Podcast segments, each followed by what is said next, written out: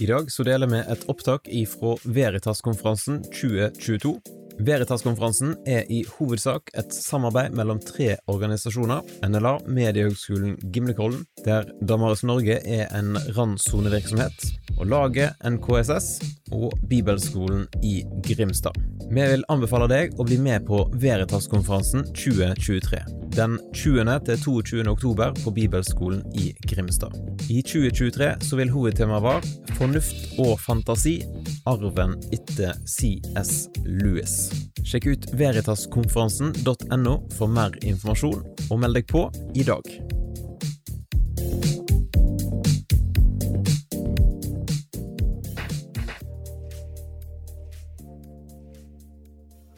Good, lovely to be with you here. Um, I, am going to have to be really tight on timing because Mary and I have to catch our flight from uh, Kristiansand.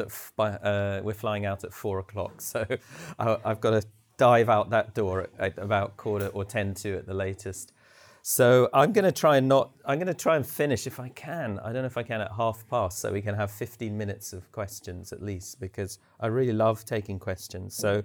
But I, I, just first of all wanted to say, um, yeah, to well, to all of you, thank you for inviting Mary and I to the conference. This is the this is the view from our hotel, which we were very kindly put up in in uh, where Roald Dahl stayed, and I'm a huge Roald Dahl fan. So it is a little bit of heaven on earth. Uh, there, right here in Norway, um, very much so. And I also want to say, um, invite you to come to L'Abri if you're in England. Some of you I know have been there already. Um, but come and see us. This is the website. And uh, the long address at the bottom is an ideas library, which is a bit like a, you know, a, a, it's, it's, our audio lecture library um, with lots of audio lectures on different subjects, very much like um, you've heard here in the, in the conference, the seminars. But really, as an open invitation, we'd love to welcome you to, to L'Abri. So, what I want us to think about now um, is, is this question How does heaven relate to our lives here and now on this square inch of earth? That's, that's what I really want us to think about. How does heaven relate to our lives here and now on this square inch of earth? Because what I, what I covered in the first seminar was the way that we often think of heaven as this place that's just far off in the future. Um, and it, it's, it's sort of disconnected from our lives here and now. But, but in the lecture, I actually thought about heaven as being like um, or the relationship of earth and heaven as being as if the earth is a two dimensional world, like a flat land, and then heaven is like a third dimension. Heaven is not something that obliterates the earth, but, but sort of surrounds and completes it.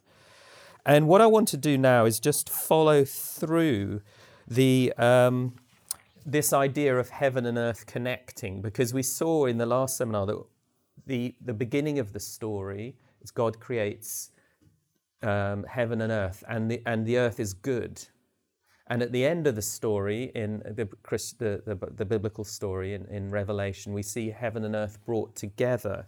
So I'm going to now just try and follow that through Scripture in order to help us understand, you know, the connection of heaven and earth now here and now where we are on earth. So I'm going to do that. I'm going to have to do it quite briefly. And this is really the central section of the book.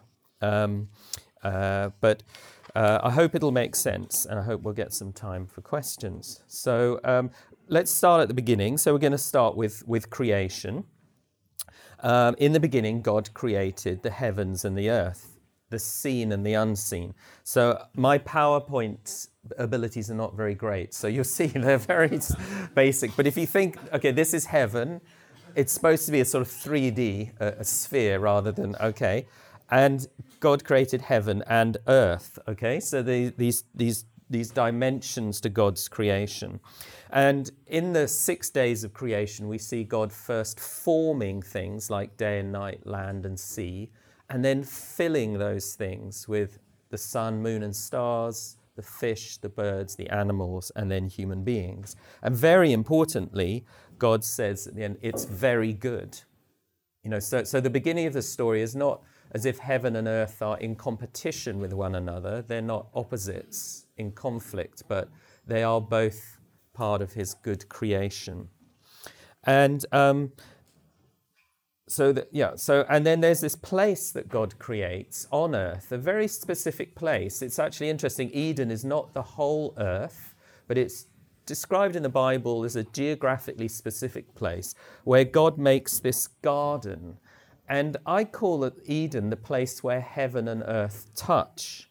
Because in, in the first seminar we thought about heaven as as the dimension where god's will is done so heaven is, is the dimension where God's will is done. In the Bible, the most consistent thing about heaven we read is it's where God's throne is, where he rules from, where he speaks his word and his will is done. And we pray that in the Lord's Prayer, don't we? Thy kingdom come, thy will be done on earth. That's interesting, as it is in heaven. So our prayers we, we read about this morning is about the earth, actually.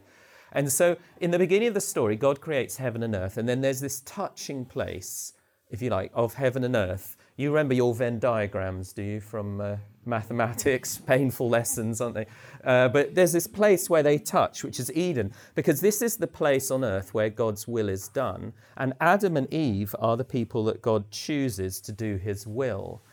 And he makes them in his image and then he gives this command fill the earth and subdue it or order it. So, what he's basically asking them to do, in one sense, is, is the garden is this perfect place, just as God wills it to be. But now he's created these beings who he reveals his will to, to, uh, to fill the earth and subdue or order it. And so, really, what I think the, the command is about is Adam and Eve going out from Eden to make the whole earth a heavenly place, just like Eden is. Do you, do you get that picture? So if you think of these Venn di- these two, you know, these two circles, that gradually what they would do, oh, if I got it on here, is make the whole earth a heavenly place, so that heaven and earth are united together. And that's the dignity that God gives to Adam and Eve to do. It, it's, it's not as if they're just hanging around on earth, you know, kind of just, well, what are we doing? No, God says, actually, I would like you to extend Eden over the whole earth.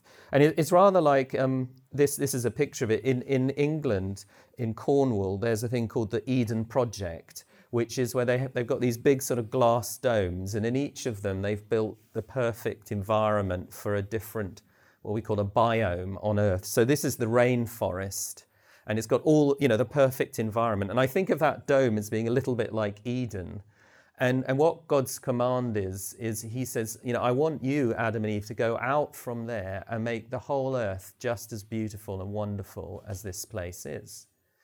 And if you think about what that would take as human beings it would take developing you know farming techniques and animal science and water and irrigation and engineering and architecture for houses and, and road building and all the things that we actually see around us that we call human civilization, those were all within God's plan before the fall. Do you see what I mean? To, to, to actually humans to do those things were a part of God's will as, as we exercise our, our right dominion under God over the earth.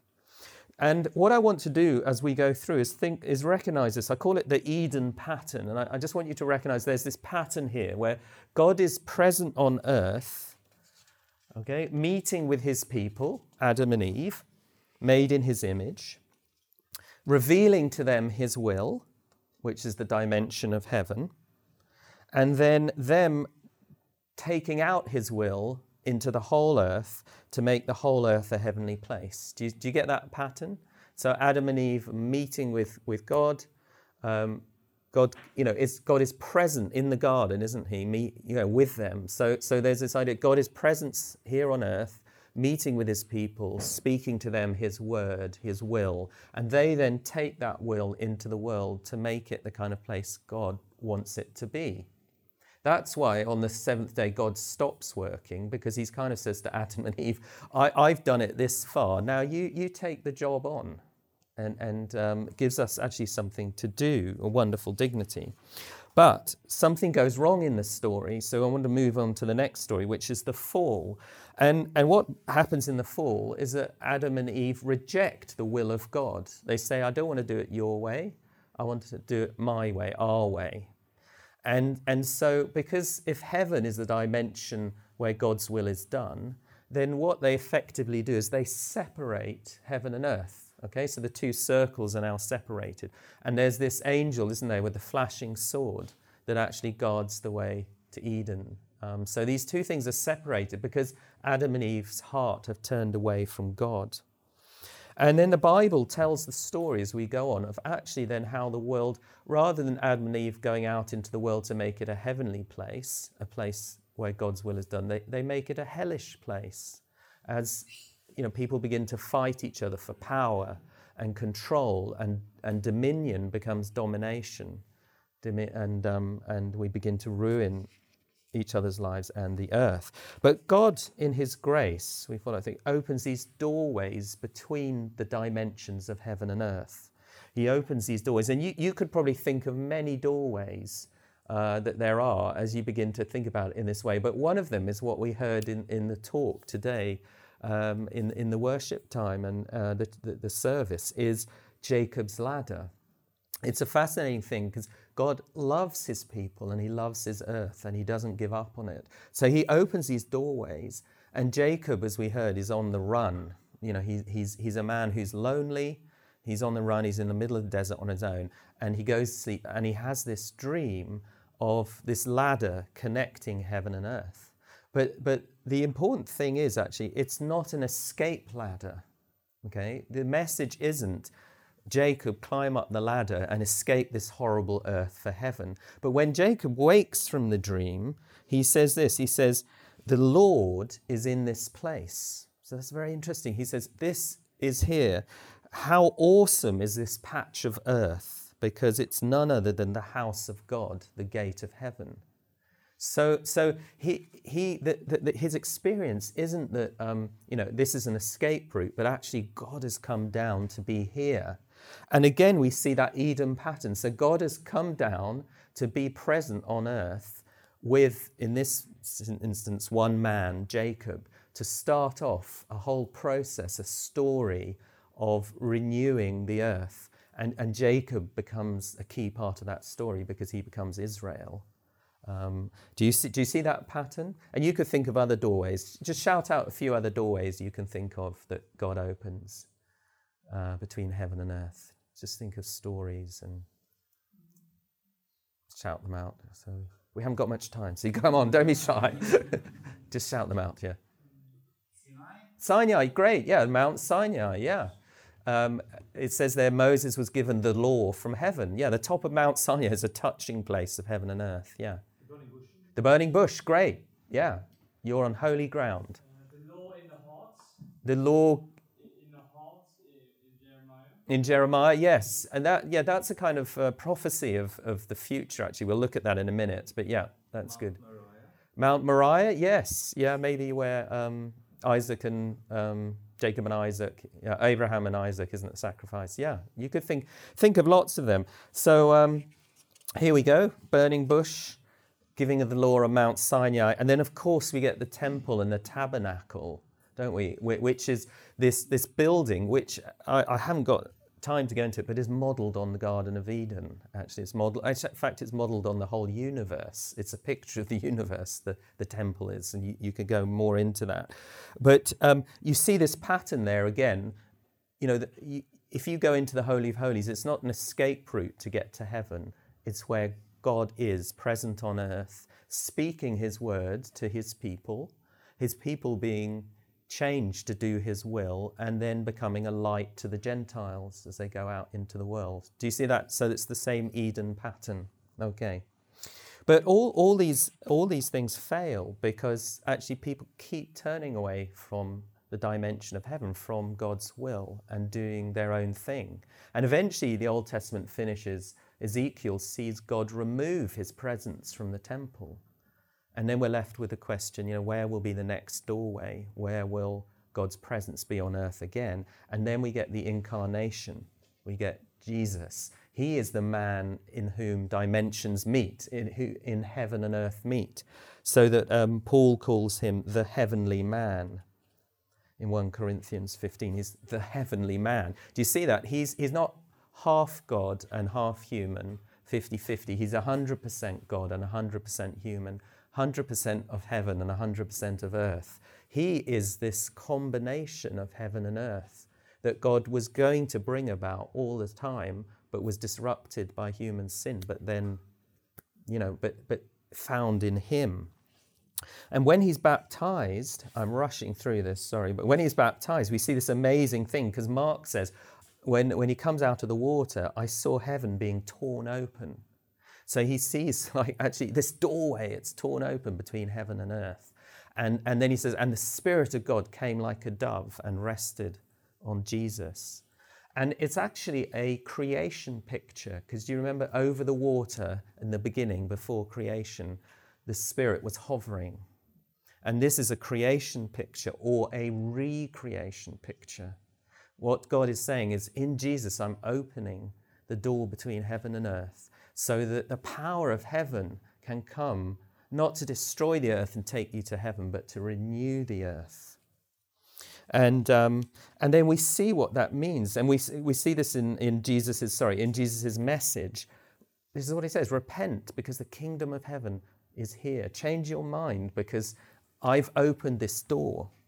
And then Jesus immediately after this performs the healing miracles, which are miracles of recreation, where the creation has been spoilt by sin, healing bodies and minds and relationships. And then Jesus dies on the cross as the ultimate um, healing of heaven and earth. The ultimate doorway is his death and his blood because it cleanses us from sin so that a holy heaven and a sinful earth can join together. And again, we see this joining of heaven and earth in the temple curtain being torn in two. That was the curtain from the Holy of Holies to the earth. The temple curtain was torn in two, not so we could go in and escape, but so the power of heaven could come out to transform an earth, the earth. And then is Jesus' resurrection. He shows, you know, the power of heaven. Again, what this shows is it's the power of heaven isn't coming to, you know, destroy the earth and take us to heaven, but to redeem it. And so Jesus' own body is redeemed by the power of heaven. And the disciples say, Jesus says to them, Touch me and see. A spirit doesn't have flesh and bones as you see I have. And then he eats something, as we were just talking about at the front here. Okay, but then Jesus goes back to heaven. So maybe that's the end of the story and it's about us escaping up to heaven. You know, Jesus says, Yeah, I've gone to heaven and now you can follow me up there. But immediately after that, we get Pentecost. And we get Pentecost, which is the giving of the Holy Spirit to those who will trust in Christ. And not only the disciples, but then the Samaritans and then Gentiles and, and, and us today. But what's happening here? Well, the strange truth, as I said from, from the sofa, my sofa this morning, is uh, the strange truth, isn't it? Is actually what is happening here is that everybody who trusts in Christ becomes a touching place of heaven and earth becomes a gateway, a doorway between heaven and earth. So if you are a Christian here today, it may seem very strange because you all look very ordinary people to me, but something mysterious has happened when you trusted Christ that you became a touching place of heaven and earth. Because what happened, you remember that pattern, that Eden pattern, is actually, you know, God has sent his spirit to live in you. So you are where God is present on earth and and you are where God is speaking to you to do His will, and by the power of His Spirit, changing our hearts in the ways that the people of Israel never could, to do God's will, and then to take His will into the world, and to make our square inch of the earth, or square centimeter, I should say, in in uh, in Europe, square centimeter of the earth, more heavenly to make it more a part of the kingdom of heaven. So you could think of it like this this is what we're like and it's and it's not something we just do as individuals. So here is us you know becoming a part of like we are like a mini eden or a mini temple. And that you know the temple's where god was present on earth. And that's just what what what uh, the apostle paul says. Don't you know that you yourselves are god's temple and that God's Spirit lives among you. And actually, that's not just a singular. It, once it's said in the singular that you individually are God's temple, but, but this is you yourselves, which is a plural in the Greek, that actually there's something very special. I, I say that when we meet as a church, there's a special concentration of heaven on earth because there's a special concentration of, you know, of each of us who are touching places. So, um, so we're a bit, yeah. So that, so that's where we are now, and and we're we're here and now on earth. We're, we're not just waiting to go to heaven, waiting to die, and keeping ourselves morally pure, so that when we die we can go to heaven, or waiting for Jesus to return and take us to heaven. What we're doing actually on earth here is this: the gospel is a call to each of us to participate. So that means join join with what God is doing in bringing heaven to earth. Do you see the beginning? Do you remember the picture right at the beginning of creation? Was that God chose human beings to be his creatures, to bring his rule to the earth. And then we rebelled against him. But rather than having another plan, his whole plan is to win us back to himself so that we could fulfill the plan he had in the beginning. And that's just what we're supposed to be doing as Christians here on earth is, is bringing the kingdom of heaven to our square inch of earth where we live. We, we can't save the whole world. So, I met some people who think that they can, but we can't, can we? But we can be a part, participating in our square inch. And I, am just going to say, um, I think, four brief things about what that means. And then, if I can do that in three minutes, then we got 50 minutes to ask questions, which will be great. Okay, so the first of it is I think we need a renewed imagination. And this is something we need to do. We talked about prayer this morning, is to pray that the Lord would renew our imagination, to look at our square inch of the earth where we are and ask Him, what would it look like for this square inch to be more a part of the kingdom of heaven on earth? And what could we do that would participate in that?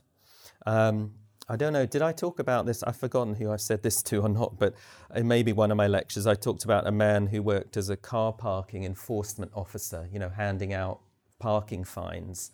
And, um, and he was an, a manager of a small office of these people. And we were having a conversation um, about what it meant for him to bring heaven into that kind of environment. You can just think, oh, well, that doesn't sound very hopeful, does it? But he was a very wise and thoughtful person. One of the things he said, he, he told me two things. He said, one, I, I've bought a whole lot of indoor plants and I brought them into our office because our office is a little bit like this room. He said it's got no windows and no natural light. And it's this terrible place to work in, and it feels dehumanizing. And I wanted to bring something of God's creation into there that was beautiful. And he said a funny thing happened as, as we did this, as I did this, we began to sort of talk about the plants with my colleagues, you know, and they became this almost this connecting point for us. And when we when we water them, and we used to have, you know, how we feed them and keep them going. And we began to connect around them. And then he said, and also I decided I'd have a coffee or tea with each of my the people that um, are under me, you know, every month, and and just try to get to know them as human beings. So this is this is you know a part of it. Obviously, it goes much bigger than that, doesn't it? It goes well. It, it includes te- telling people the gospel of Jesus Christ because that's a wonderful thing. Uh, to be set free and welcomed into this this incredible uh, present reality and future reality. But, but yeah, we need to pray to see, imagine how the world could be different. And it doesn't need to be special religious things that, that you know, are transformed, but all of life.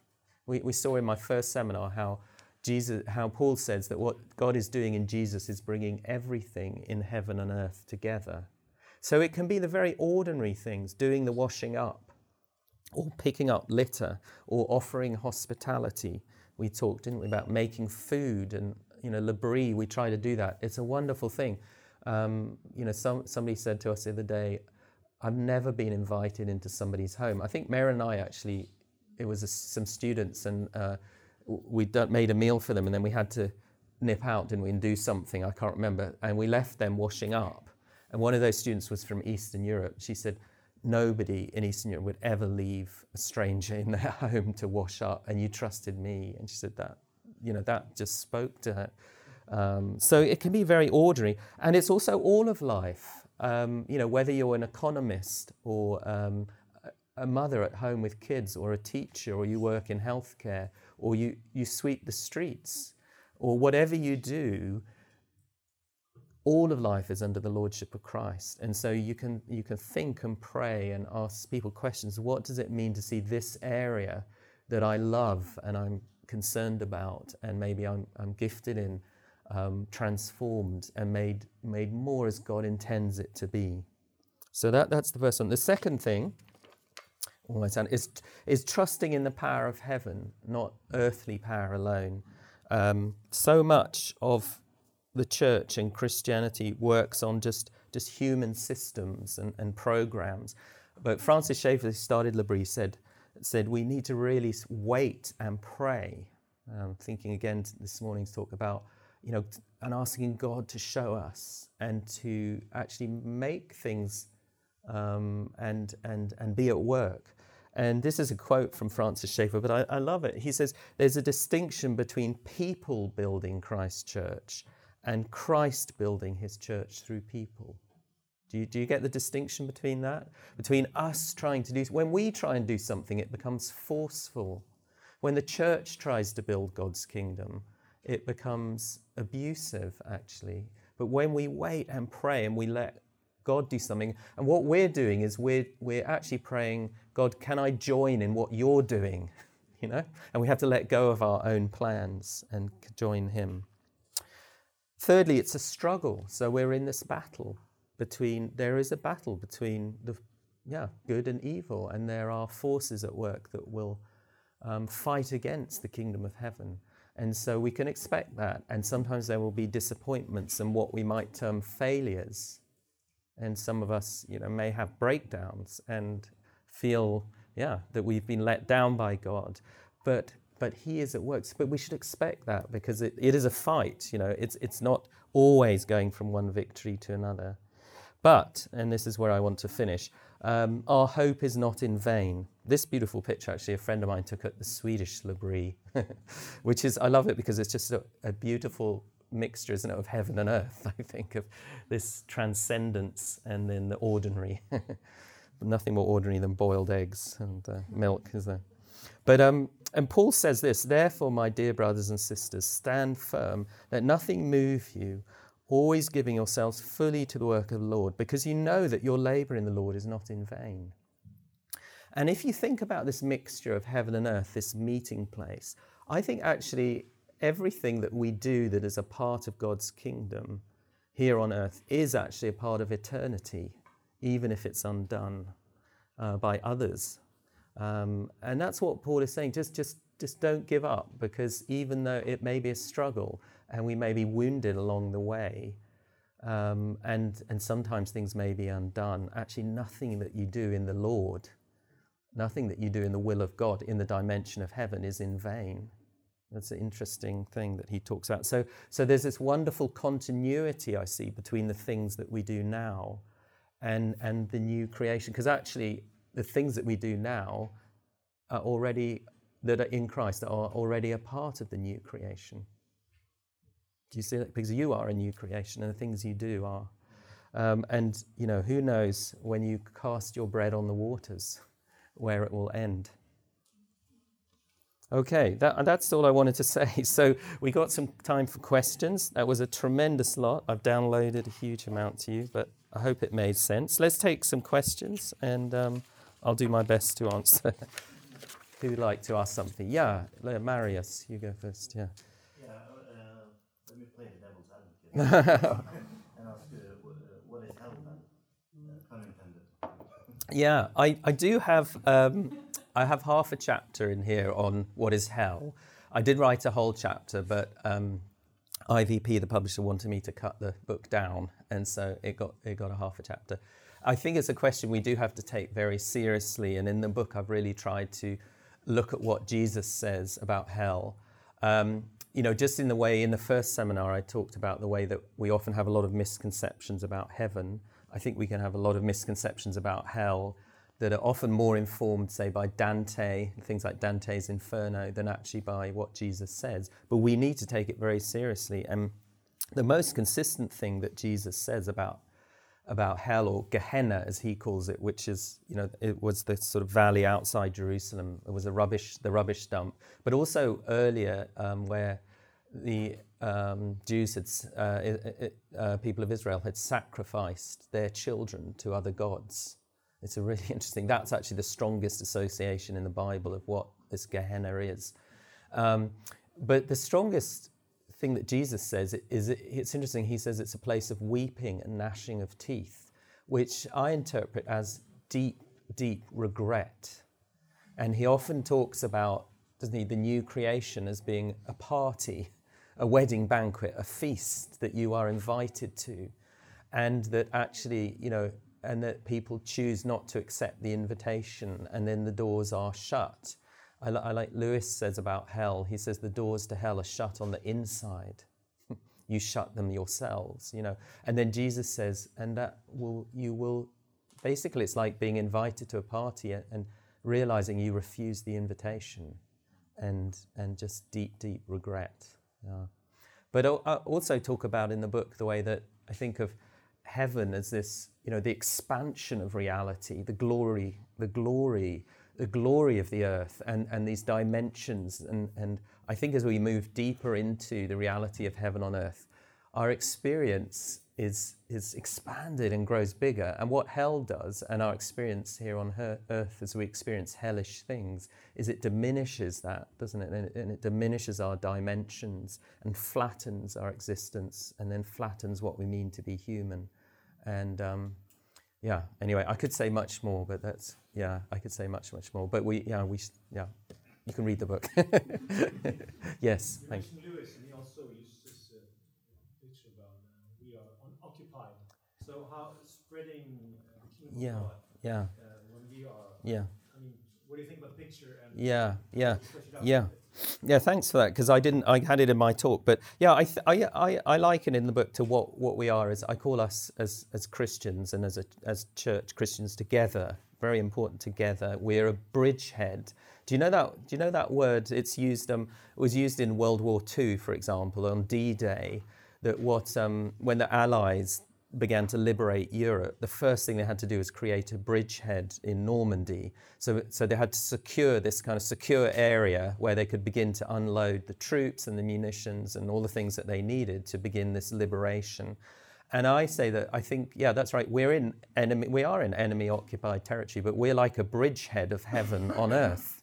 And um, God is unloading through us, if you like. We're supposed to be a place where, yeah, a bridgehead where he can begin to, you know, heaven can spread out from us. And as I said, we need to be quite modest about that, most of us, you know, about small things and and actually it's, you know, often through ordinary things that that, you know, wonderful um, parts of the kingdom of heaven can come. Yeah. Okay, great. Somebody at the back had a hand up. Yeah. Good. Okay, that's another. Did you hear that? Because Marius asked a question about hell as well. I don't know if you. So, did you? Yeah, hear that. Yeah, yeah. I mean, I. Um, yeah, I don't. I. Yeah, I must say it's something that I'm continuing to think about, um, and Christians have different opinions on it. I've, I've referenced in the book, um, my book, I referenced another book which is called Four. Um, four opinions on, on hell, or something like that and is a dialogue between four different theologians. All, you know, not, I mean, they're kind of, kind of, um, you know, evangelicals actually, but talking about it and then debating each other. Um, and I, would recommend reading that as, as a book and, and, to decide your own mind. It's, it's a very complex subject, I think, because what we're doing, isn't it, is we're thinking about things that are actually bigger than our reality. You know, we, we are like, you know, we're flatlanders, if you like living in, you know, in, two di- in a two dimensional world. So even when we read a word like eternity, we think of eternity as endless time. Okay, because we live in time, so we think of it as endless time. But actually, the biblical word for eternity is not a, a word of quantity. Do you get what I, you know? So endless time, but quality. It's a quality. So Jesus is describing a quality of time almost. Um, much more that when, when Jesus says, I've come to bring you fullness of life. You know, so eternity, I don't think is, is like, we shouldn't think of it as just endless time as we experience on earth, but like time fulfilled, time redeemed, time completed, time made absolutely meaningful and purposeful and, and joyful in each moment, you know, something like that. So when we ask questions about hell, I, th- I think we also need to be, yeah, a little bit careful about what we're saying. But, you know, we need to take it very seriously because Jesus does. Jesus talks more about it than about anything else. Um, I'm sorry, than anybody else. Sorry, not than anything else, but he does talk about it more than anybody else. You know, and so he has a he has a you know really serious. He wants to yeah, us to take it very seriously um, because, because you know, evil is serious. Uh, we can tend to downplay it and minimize it and its effects, you know. But evil is is very serious, and and so judgment is is necessary. Actually, you know, it can't just be, you know, oh, it doesn't matter. But thankfully, Jesus has, you know, died for us so that we can be forgiven. So, yeah, we have to we have to take it really seriously. Good. You've asked one. Does anyone else just have one? And then somebody at the back, and then here. Yeah. Sorry, I'll go to the back first, and then come back to you. Yeah. Yeah, thank you. Um, I have a question about doesn't it give us a lot of responsibility or, or maybe even pressure if it is our job to to get heaven to earth? You know. Right. Yeah. yeah. Yeah. Thank you. Yeah. Yeah. Yeah, I wouldn't, I wouldn't want to give you that burden of bringing heaven to earth. And that's why I, I try to really focus on this word. The word I use is, is participate in what God is doing. Um, rather than the idea that you know we're building the kingdom of heaven. As I said, when we get that idea, I think the church then becomes abusive and sort of violent in, in various ways. That you know we've got to build the kingdom of heaven. That's like the Crusades or something. But I think what we need to do is participate in what God is doing. And I think the more you trust in that He is at work and you pray and you wait, a very important part of our spirituality at L'Abri is waiting and, and, and really getting a sense of what you know, God is doing and then being a part of that. And, but then trusting Him to be at work, you know. Um, rather than it's like, yeah, us to make everything happen. Um, and I, I, do you see, do you see what I mean? And the more we do that, actually, the more we can rest in it.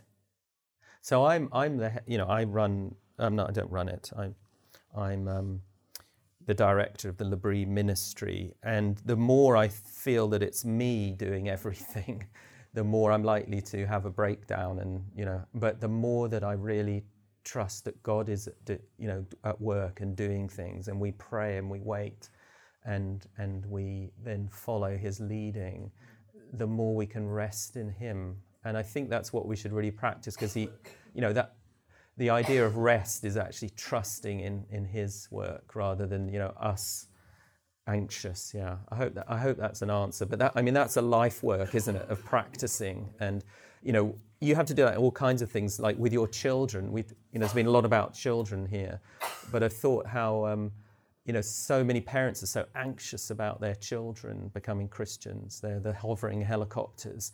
But you know, you, if you, the more you can rest and say, actually, God is at work here, and thinking about, yeah, how does He want me to be at work in their lives, then you can move into a different dynamic. Yeah. There's a question. Did you have a? Yeah, you've got a question there. I think that's Ruben, isn't it? I can just see. Kind of the contrary of what was said about like the burden. So instead of the burden, we can be a little more passive. Yeah. Idle. Yeah. In try in, in standing that we trust in God and then we Yeah. just sit still. and Yeah. do Nothing about it. Yeah. How do you Yeah. Yeah, yeah. Well, Francis Schaeffer in, in L'Abri, he, ha- he had a really interesting phrase because he talked about active passivity. That was his phrase actually for spirituality was active passivity. And he sort of had a tension between the two. And, and I, I describe it like this. I think, I think, you know, when we're faced with something, the first thing we need to do actually is, is, is be humble and say we don't know what to do usually. And then to wait and pray. But when God shows you, you know, what to do, then you are obedient to it. And you, um, yeah, and, and you are active. But again, all the time, sort of trusting in Him. Yeah. So there's a there's a kind of tension. That's right, because you know the other the two extremes are passive passivity. I'm not going to do anything, or but a lot of the church today is sort of active activity you know, where we're just doing, we, we, you know, our church isn't going well. Well, let's get the business plan from America, the latest thing, you know, and put it into work. And, you know, but then he said, no, wait, wait, you know, pray. What is the Lord doing in this? Uh, we have something in L'Abri that actually, if students stop coming and um, if the money stops, we ask the question, is this time to close? Maybe the Lord's saying this ministry's, you know, it's, it's, you know, and we, and we, and we would pray seriously. Maybe God's, yeah, may, what is God saying? What's he doing? Yes, thanks. Um, kettle. Is it kettle? Kettle. I can see. I'm allowed to call him Kettle because he said you can call me Kettle. I can't pronounce his name. Kettle. Hello. Hi. Uh, but, but uh, Yeah. there has to be an ultimate uh, new creation. Yes. Thank you. Yeah. Do you think about Yes. Sorry, I haven't. Yeah.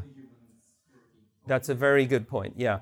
I'm not, we, we had this discussion in the first election. I think Marius asked a question about kind of post millennialism, which is where, you know, the world is going to get a better and better, better place. I don't think that. I think we're in this, I think Revelation would show us, you know, sometimes the kingdom advances, sometimes, you know, we're pushed back, sometimes it advances. And I should have said, I should have put it in my talk. Thanks very much, because it is, it is in the book. But actually, yeah, we are in this struggle and we play our part in it, which I think is a part of, you know, is a ter- part of eternity. But you're absolutely right. When, you know, there will come a time, and we don't know when that will be, when Jesus will come again. When he and the picture in Revelation, he's is he's bringing the kingdom of heaven with him to earth, and then you know all suffering and death and tears will be gone, and um, yeah, and and and that picture that I had, you remember the, the Venn diagram will be the whole earth will be a heavenly place. That's the picture that we get.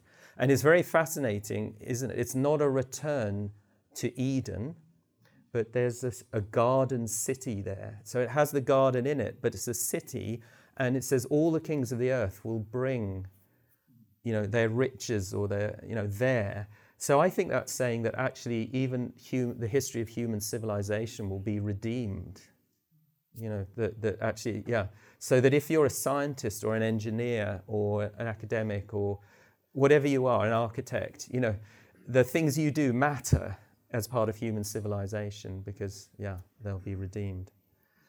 Right, I probably have to finish. I know we got two questions. I'm so sorry, but you, what was your question? Yours was, Uh, you had one. it's, uh, I, I thought uh, that uh, when you talk about heaven Yeah. and uh, earth, Yeah, that's the two, two dimensions Yeah. the created yeah, order. order, yeah. But there, there is in actually one third Uh-huh. um, Yeah. party or sphere that Yeah. you could bring into Okay. the equation, and that is God. God, yes, yeah, So if, yeah. you have Okay, another dimension. Yeah, yeah, yeah. God Himself, yeah, be- yeah, because it's Yes. not only the Yeah. created Yeah. world, yeah. uh, and one day God will be all and in All, all. all in all, yes. so how, Yeah, yeah. how Well, uh, well, yeah, theosis in, Yeah. uh, yeah. in the Greek uh, Yeah. thinking? Yeah, that's right. I think that the picture, it's a beautiful picture in Revelation 21, isn't it? The city coming out of God, uh, out of heaven. And then God, again, it's that same picture, actually, the Eden picture of God being right there with his people, isn't it? Um, in And, you know, he, say, he says, I am, yeah, I am here with my people. And um, so there's, yeah, I mean, you could, in one way, you could say there are so many dimensions to reality that, that we actually need to open our eyes to, aren't there? But obviously, God is you know, the source of it all, isn't he? The life. Yeah. I, I should stop there because I've got to be whisked away to the airport. I can see Yvonne at the back. So can I just pray quickly and then I must, sorry, I can't stay for questions, but I would love to do that. But thank, let's just pray. Lord, we thank you so much that uh, you love the earth and you love us, your creations, and that you are redeeming both the earth and us, not destroying it. Um, we thank you that you um, give us dignity in that, to be partners with you in what you're doing and listening and to your voice. And we pray for renewed imaginations to see what you would have us do in our square inch and then obedience to do it. And we live in hope too, as we just said, of the day that you will return and bring heaven with you fully to the earth, and it will be just as you uh, have willed it to be in Christ. So we thank you for that. Bless us, we pray, and thank you for Jesus. Amen. Okay, thank you.